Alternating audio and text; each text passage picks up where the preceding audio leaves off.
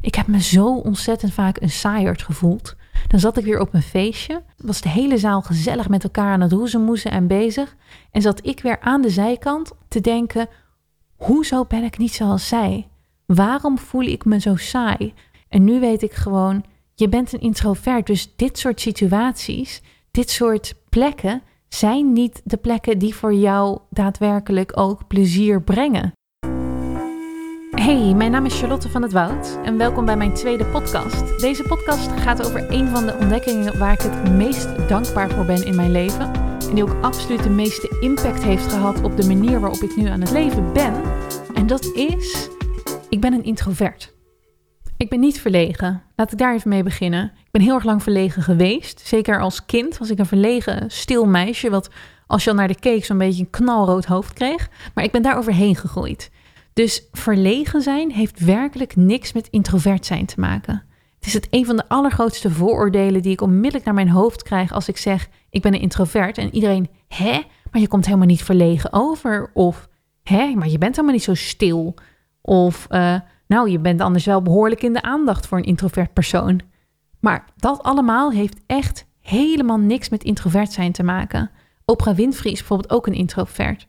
Heel veel grote namen, ik ben even vergeten welke nog meer, maar noemen zichzelf een introvert. Want introvert zijn, en dat is een van de allereerste dingen die ik in deze podcast wil bespreken. Introvert zijn heeft niks te maken met die dingen, maar heeft alles te maken met waar je je energie vandaan haalt. Een introvert die haalt energie uit zichzelf.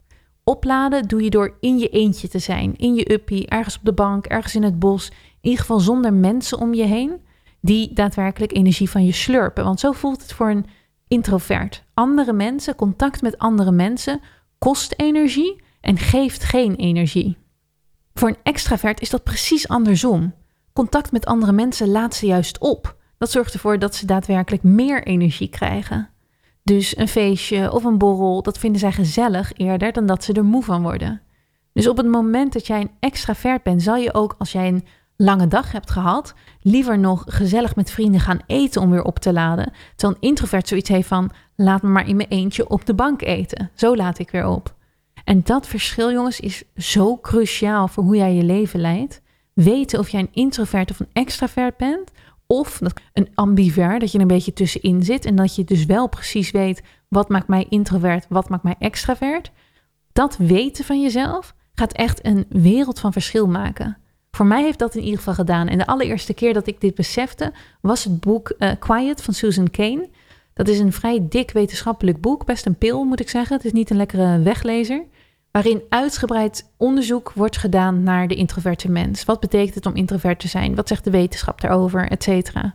En terwijl ik dat boek aan het lezen was, dacht ik bij steeds meer dingen: hè, wat heerlijk, dit voel ik ook, dit heb ik ook, ik ben ook zo eentje.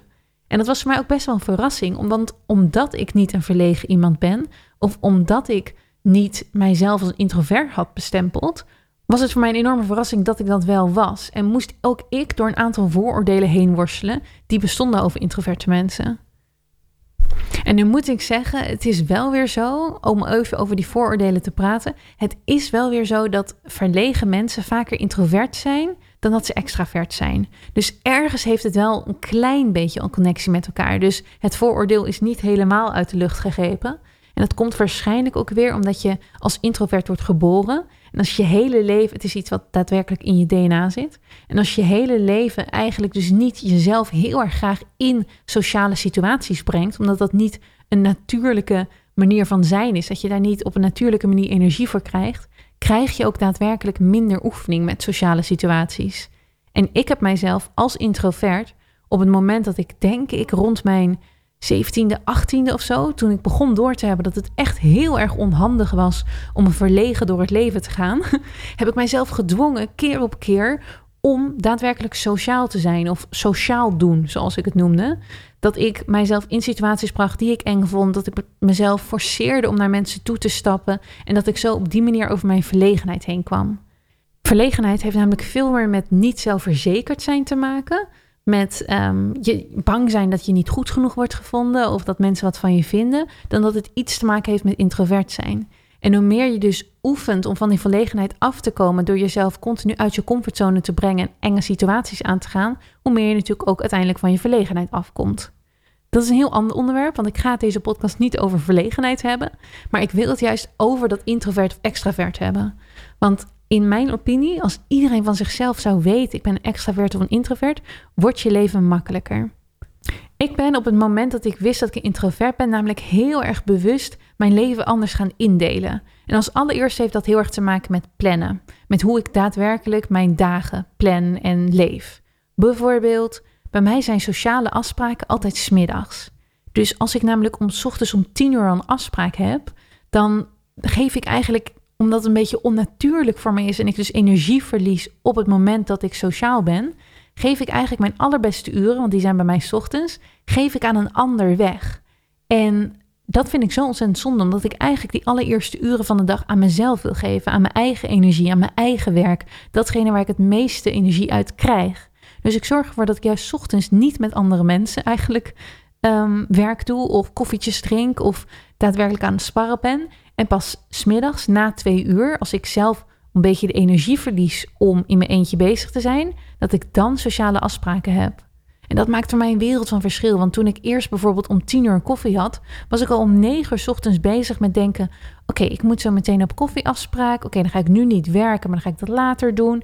Was ik op die koffieafspraak, duurde dat tot half twaalf, moest ik daarna helemaal bijkomen. Want ik was waarschijnlijk door het contact toch een beetje energie verloren. En nu zeg ik niet dat je bij iedereen als introvert energie verliest als je een afspraak hebt. Er zijn nog steeds afspraken waar ik soort van juichend en helemaal volgeladen van energie vandaan kom. Het is alleen een andere manier van energie waar ik het nu over heb dan de energie die je verliest als introvert. Want ook al kom je ergens juichend en geïnspireerd vandaan, als je toch een beetje hebt, hoe, ik moet heel even bijkomen, dat soort energie verlies je als introvert in sociaal contact. Nou, het andere is waar ik bijvoorbeeld met plannen heel erg rekening mee hou, is mijn vakanties. Ik ben er bijvoorbeeld eigenlijk recentelijk pas achtergekomen dat ook voor mij alleen reizen, de eerste week als ik een hele, hele lange periode hard heb gewerkt en ik wil op vakantie, kan ik dat beter niet gelijk met een vriendinnetje doen, maar kan ik beter eerst in mijn eentje weg zijn. Even helemaal opladen, in mijn eentje zijn, energie krijgen en daarna pas met een vriendinnetje afspreken en dingen doen. Dus dat had ik als allerlaatste had ik dat in Bali gemerkt. Was februari was ik een maand naar Bali. En toen kwam ik eigenlijk gelijk de eerste week al bij een vriendinnetje in huis. En dat was fantastisch en gezellig, want ik zag dat vriendinnetje eindelijk weer. Maar ik merkte ook dat na een week ik zoveel behoefte had om in mijn eentje te zijn. Dat ik alsnog dus eigenlijk een hotel heb geboekt om in mijn eentje ergens op te laden. En de seconde dat ik die hoteldeur opende, en dat zegt niks over dat vriendinnetje, maar alles over het feit dat ik introvert ben. En ik dacht, yes, een space helemaal voor mezelf, helemaal voor in mijn eentje dagen voor me zonder dat ik ook maar met iemand hoef te praten, was zo'n opluchting. En vond ik zo ontzettend lekker. En ik hou er ook rekening mee dat ik bijvoorbeeld s'avonds bijna geen afspraken maak. Ik denk dat ik van de zeven avonden in de week, dat ik er sowieso vijf thuis in mijn eentje op de bank zit. En dat klinkt wat treurig. En soms is dat, om heel eerlijk te zijn, ook wel eens treurig. En voel ik me eenzaam. Kom ik zo meteen nog op terug. Maar het is ook voor mij een soort van noodzaak. Omdat als ik elke avond weg zou zijn, ik zou het gewoon niet trekken. Ik zou het überhaupt al niet trekken om elke avond zo laat in bed te liggen. Maar ook het idee dat ik s'avonds nog ergens heen moet als ik overdag al super sociaal ben geweest, dat voelt voor mij niet als een goede balans. Dan voelt het alsof ik heel veel dingen moet van andere mensen. En ik ben juist zo graag in mijn eentje en mijn eigen ding aan het doen.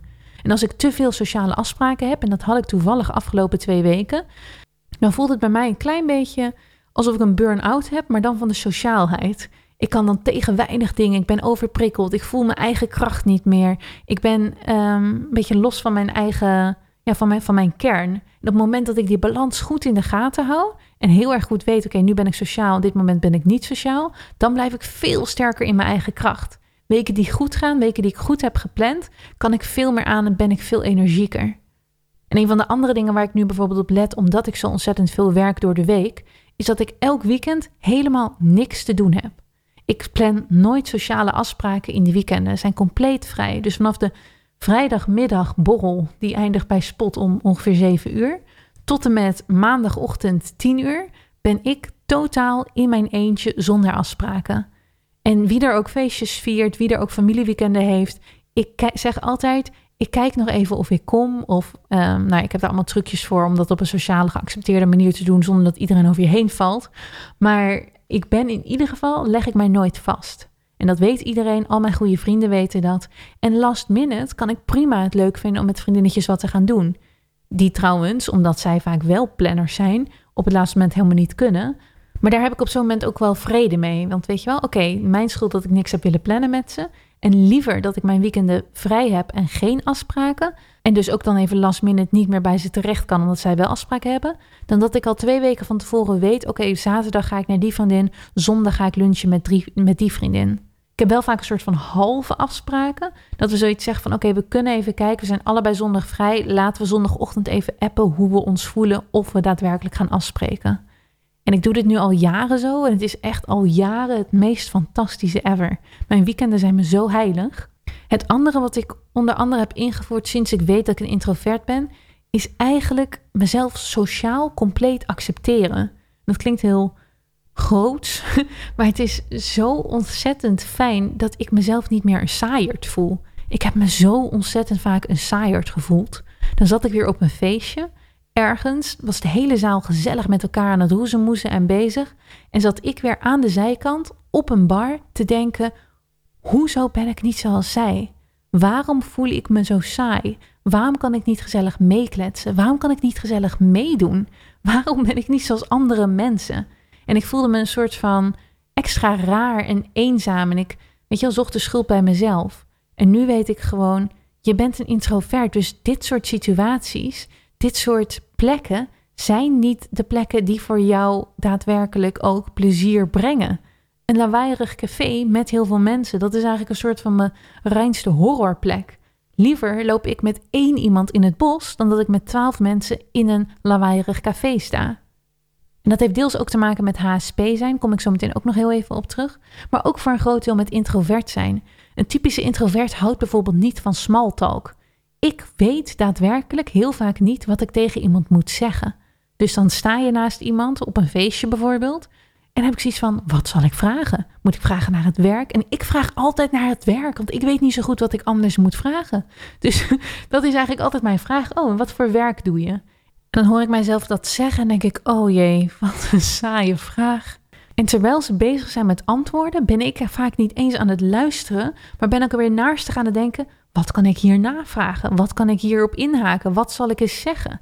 Alleen maar omdat het voor mij dus lastig is om een soort van de conversatie luchtig te houden, hoe mensen dat doen. Ik ben namelijk geneigd onmiddellijk als iemand wat zegt over het werk, echt er dieper op in te gaan en een soort van te gaan vroeten naar dingen die veel, um, ja, die natuurlijk totaal awkward zijn als een vreemde dat tegen je zegt van, oh, waarom, waarom doe je dan niet je, je droombanen? Of wat is dan de reden dat, uh, dat je dit, of weet je wel, soort van, ik hou ervan. Ik hou er ook heel erg van als mensen diepe vragen aan mij stellen. Maakt niet uit of het een onbekende is of een bekende, maar door diepe vragen, door echte oprechte interesse en eerlijkheid, dat vind ik gave gesprekken. Dus een onbekende kan bij mij ook daadwerkelijk met een hele intense vraag aankomen. En ik kan erop antwoorden. Want het gaat niet om verlegenheid. Het gaat er bij mij om dat ik chit-chat niet goed kan. Ik vind dat saai, ik vind dat tijdverspilling. Ik snap het punt er niet van. Terwijl een extravert dat vaak veel natuurlijker kan doen. Die, die ziet het zoals het is. Het is een sociaal lijnmiddel. En ik ben dan echt een beetje de onhandige introvert die dat dus gewoon niet beheerst en ook niet wil beheersen, blijkbaar. Maar goed, wat dus het onder andere bij mij heeft losgemaakt, dat ik mij sociaal heb geaccepteerd in die situaties. En dat ik mij niet meer die vreemde eend in de bijt voel, omdat ik gewoon weet, hé, hey, ik ben echt, ik heb aan andere dingen plezier. Dus het is oké dat je nu op dit feestje even in je eentje op de barkruk zit toe te kijken. Want ook nog eens, daar laat je van op. Ik heb zelfs bij elk feestje heb ik een introvert kwartiertje. En dan ga ik heel even naar buiten of ga ik ergens op de trap zitten of heel even me afzonderen om even in mijn eentje te zijn zodat ik daar kan opladen en daarna weer met, met meer energie, als een soort van opgeladen batterijtje, het feestje kan binnengaan en weer een gesprek met iemand kan aanknopen. En het klinkt allemaal heel dramatisch als ik het zo zeg, maar dit is wel echt daadwerkelijk hoe ik het voel. Ik ga dan even sociaal doen. En voor ik sociaal kan doen, moet ik eerst de energie en power in mezelf hebben gevonden. En het is niet erg en ik voel me er niet zielig door. Ik ben gewoon alleen heel dankbaar dat ik nu weet dat ik zo werk. Want toen ik dat niet besefte en bijvoorbeeld niet die introverte kwartiertjes hield, liep ik supersnel leeg. En voelde ik me dus suf en saai en dacht ik shit en verliet ik heel teleurgesteld zo'n feestje. Ik denk dat dat een van de belangrijkste dingen is die ik heb meegenomen uit het feit dat ik introvert ben, ik kan zelf de controle nemen. Ik weet nu zelf, oké Charlotte, hier loop je op leeg, even nu een kwartiertje nemen. Of hey Charlotte, je hebt zo meteen twee sociale afspraken naar elkaar. Ga niet s'avonds ook nog met een vriendinnetje afspreken. Of je hebt bijvoorbeeld een familieweekend eraan komen. Iedereen gaat allemaal van, I don't know, 9 uur s ochtends tot 8 uur s avonds bij elkaar zijn. Dat is geen goed idee voor jou. Wat als jij nou alleen bij het avondeten komt?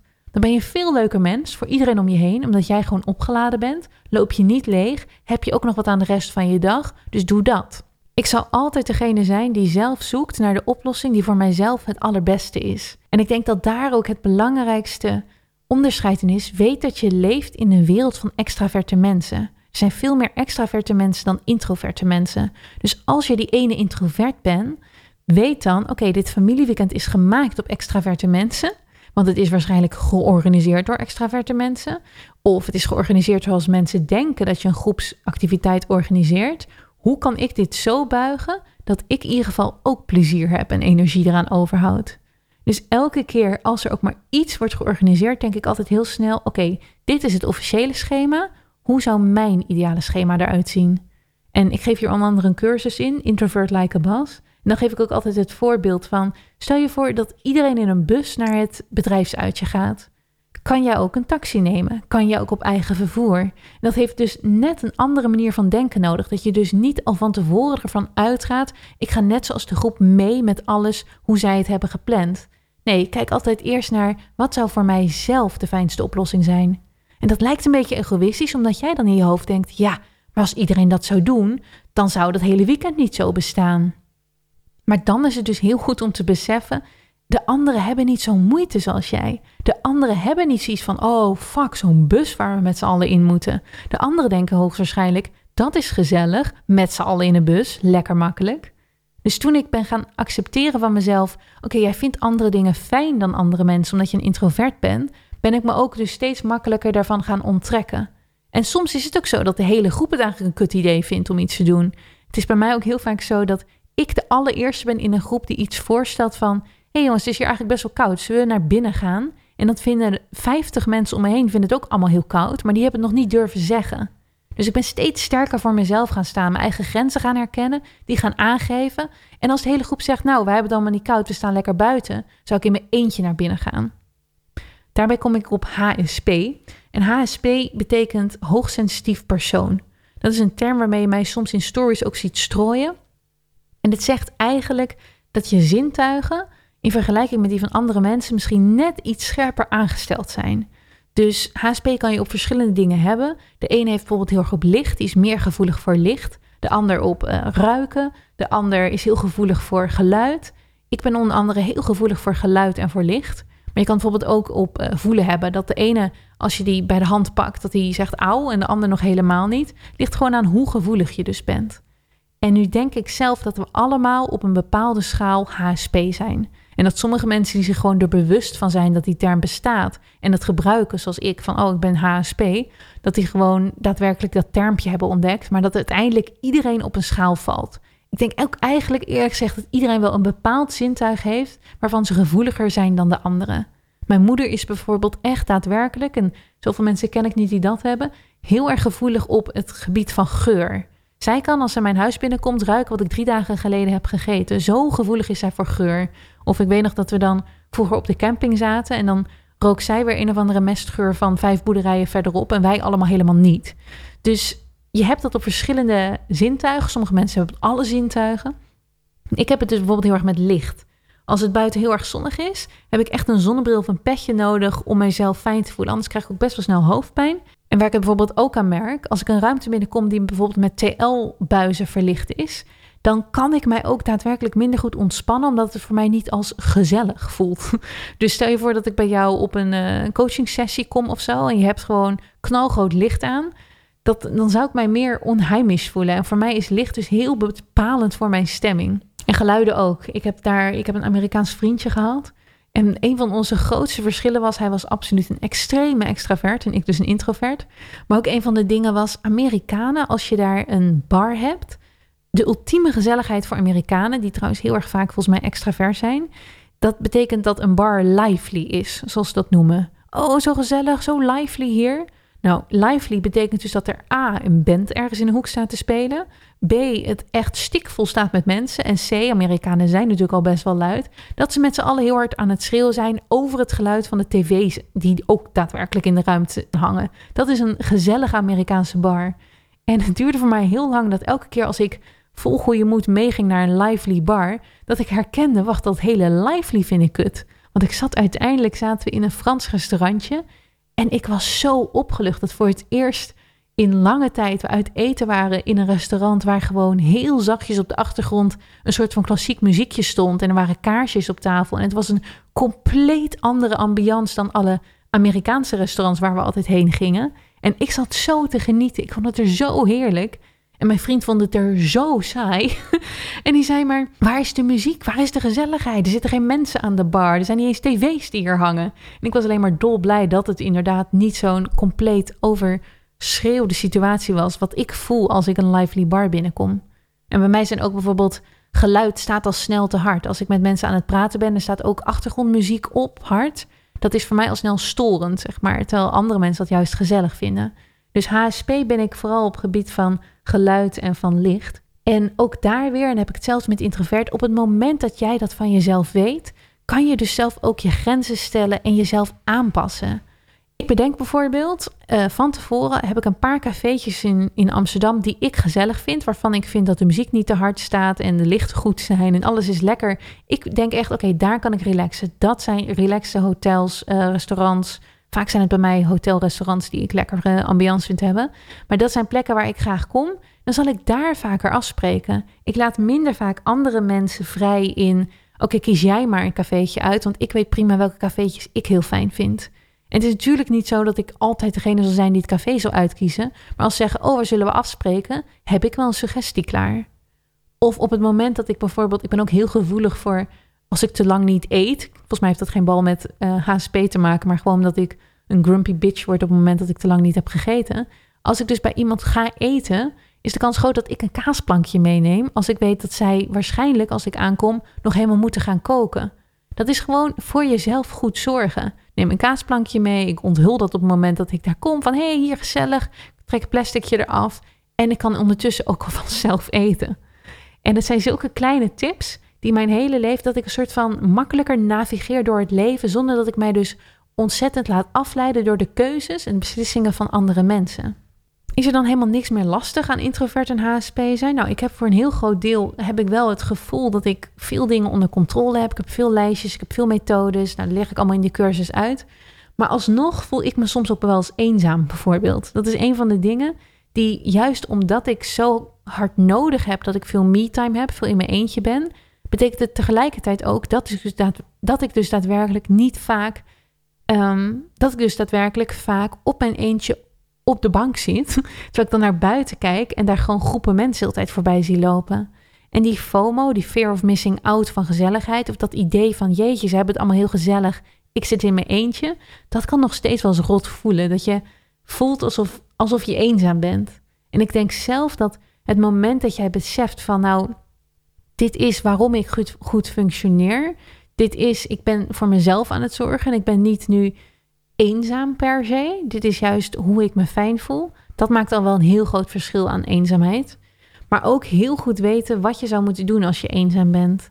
Een van de dingen die ik bijvoorbeeld vroeger deed en waar ik nu erg voor uitkijk, is op het moment dat ik me rot voel of alleen, was mijn neiging altijd om een vriendin te bellen. Maar op het moment dat je vanuit een negatieve energie een vriendin gaat bellen, en dus eigenlijk een soort van zwart wolkje van negatieve energie even wil uitstorten op de ander, omdat je je verhaal kwijt wil of omdat je jezelf zielig vindt, is dat daadwerkelijk wat je aan het doen bent voor de ander. Die neemt op en die krijgt eigenlijk jouw negativiteit over zich heen. Dus ik ben begonnen om daar heel erg mee op te passen dat op het moment dat ik me eenzaam of naar voel, dat bij een vriendin uit te storten. Ik doe het nog steeds wel eens hoor. Het is nog steeds dat ik een van mijn beste vriendinnen gewoon lekker bel als ik me rot voel. Maar ik zal altijd eerst zeggen: luister, ik voel me even echt heel kut. Mag ik het heel even bij je kwijt? Even ook bewust zijn dat je dat aan het doen gaat bij de ander, maakt zo ontzettend verschil. Want ik vind dat zelf andersom ook zo. Als vriendinnen bij mij bellen en onmiddellijk hun negativiteit uitstorten. Dat is soms gewoon helemaal oké. Natuurlijk moet dat kunnen. Maar soms mag je ook wel even bewust zijn wat je aan het doen bent en dat het misschien niet helpt. Want bij mij is het zo dat ik het op zo'n moment uit neediness doe. Ik heb de ander nodig. Ik wil, ik voel, wil me slachtoffer voelen. Ik wil me een soort van mijn verhaal kwijt, mijn negativiteit kwijt. En ik wil horen dat ik inderdaad heel zielig ben. Nou, elke keer als ik vanuit zo'n intentie bel, voel ik me echt niet beter nadat de ander heeft gezegd: Ja, je bent ook echt heel erg zielig en wat naar en bladibla. Nee, de moment dat ik ophang, misschien werkt het tijdelijk. Het moment dat ik ophang, ben ik weer helemaal terug naar vak. Ik voel me zielig en alleen. Dus ik heb bijvoorbeeld ook daarvoor een hele lijst met dingen die ik doe als ik me eenzaam voel en die wel helpen.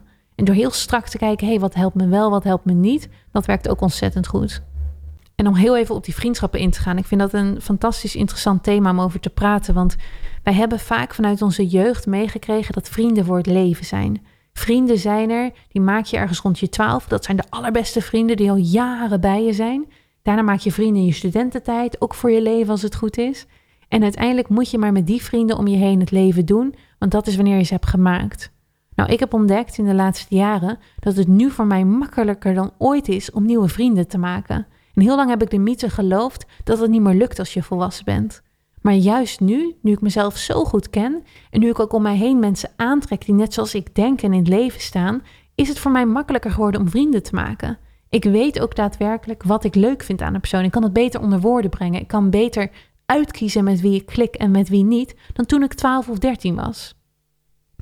Dus ook hierin heb ik een beetje een controversieel standpunt misschien. En zeker, ik weet nog dat een van de jongens met wie ik ooit date, die vond dat zo onaantrekkelijk aan mij dat ik bijna geen vrienden meer had uit mijn studietijd of uit mijn jeugd. Volgens mij, als ik nu over nadenk, helemaal niemand verder. En hij zei: Dat kan toch niet? Vrienden, je moet je er dik en dun moet je houden, daar ben je loyaal aan. Maar voor mij betekent vriendschap ook heel erg dat je elkaar kan loslaten als het niet meer gaat. Net zoals dat je met een geliefde uiteindelijk besluit van... hé, hey, weet je, we zijn te veel uit elkaar gegroeid. We maken elkaar niet meer gelukkig. We groeien niet meer. We zijn niet meer op zo'n manier met elkaar verweven... dat we daadwerkelijk elkaar ondersteunen. Het werkt elkaar eigenlijk alleen maar tegen. Moet je dat ook met een vriendschap kunnen doen. En daar ben ik ook eigenlijk een beetje sinds ik doorheb dat ik introvert ben... en dat ik dus energie verlies als ik met mensen ben... veel meer picky, veel meer kieskeurig op geworden. Met wie deel ik mijn tijd in? Met wie ga ik om? Met wie wil ik vriendschapsbanden aangaan? En wie ga ik bellen op het moment dat ik zin heb om iets leuks te doen? En dat zullen bij mij heel vaak niet de mensen zijn van wie ik dus energie laat lopen. En op het moment dat je bijvoorbeeld met een vriendin uit je kindertijd nog steeds hangt, terwijl je eigenlijk elke keer als je met die vriendin hebt gepraat, alleen maar kritiek over je heen krijgt, of je een beetje naar voelt, of een beetje onbestemd raar gevoel, dat is dus wat mij betreft een teken dat de vriendschap gewoon niet op deze manier moet worden voortgezet. En ik zou altijd eerst een gesprek aangaan daarover. En ik zou altijd eerst het bespreekbaar maken van... hey, weet je, eigenlijk elke keer als ik met jou heb afgesproken... voel ik me daarna een beetje rot. Heb jij dat ook? Hoe voel jij je daarover? En ik heb die gesprekken echt tientallen keren gehad. Want ik ben wat dat betreft dus best wel... Mijn verloop onder vrienden gaat sneller volgens mij dan bij de meeste mensen. En elke keer ben ik blij dat ik dat bespreekbaar heb gemaakt. Want soms is het bij een vriendin precies hetzelfde en komen we erachter, weten we waar het aan ligt. En gaan we bijvoorbeeld over een bepaald thema niet meer praten. Een bepaald vriendinnetje vindt het gewoon fucking irritant om over ondernemen te praten. Nou, dat is mijn lust en mijn leven. Maar ik kan prima over andere dingen ook praten. Dus sinds we daarover zijn gestopt, over werk, gaat onze vriendschap weer beter dan ooit. Dus bij haar is het gelukt. Bij sommigen kom je uit het gesprek en denk je, ja, inderdaad, we hebben gewoon bijna niks meer wat we nu delen of waarin we elkaar nu geweldig vinden, laten we dit beëindigen. En ik denk dat die houding over vriendschap, het, is, het moet je ondersteunen en het moet je sterken en het moet je energieker en blijer maken als je met iemand praat, in plaats van dat het je soort van negatiever laat voelen, dat is een hele belangrijke.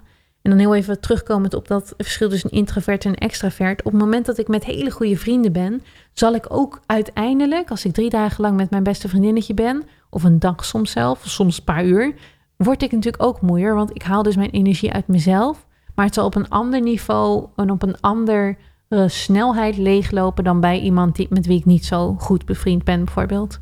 Bij mij is bijvoorbeeld ook met mijn partner, op het moment dat ik een partner heb, daarmee kan ik bijvoorbeeld wel heel goed samen zijn, ook al ben ik een introvert. Dus ik denk ook dat er altijd wel uitzonderingen zullen zijn van mensen bij wie het wel gewoon goed gaat om energie te houden, in ieder geval op hetzelfde niveau, of misschien soms zelfs wel energie te krijgen. Ik krijg soms ook gewoon energie van mijn vrienden en dan als ik me een beetje low voel en ik spreek met ze af, krijg ik ook energie. Dus het is ook niet zo dat het altijd per se bij definitie altijd zo is dat je energie verliest van mensen hoor. Dat geloof ik ook niet. Dit was eigenlijk vooral wat ik deze podcast wilde delen. Het belang van dat je weet of je een introvert of extravert bent en wat dat kan betekenen voor hoe jij je leven inricht en hoe je ook naar jezelf kijkt. Ik ben hiermee aan het eind gekomen van deze aflevering. Dankjewel voor het luisteren. Te gek dat jullie er waren en ik zie jullie de volgende keer. Oh, en wacht, nee, nog iets. Ho, stop. Hij staat dus nu op iTunes. Dus als je zou willen, als je een review wil achterlaten als je hier wat aan hebt gehad, als je een screenshot maakt van je telefoon terwijl je aan het luisteren bent, op Instagram zet en mij tagt. Allebei ben ik je nu al enorm dankbaar voor. Dus dankjewel en tot de volgende keer. Doeg!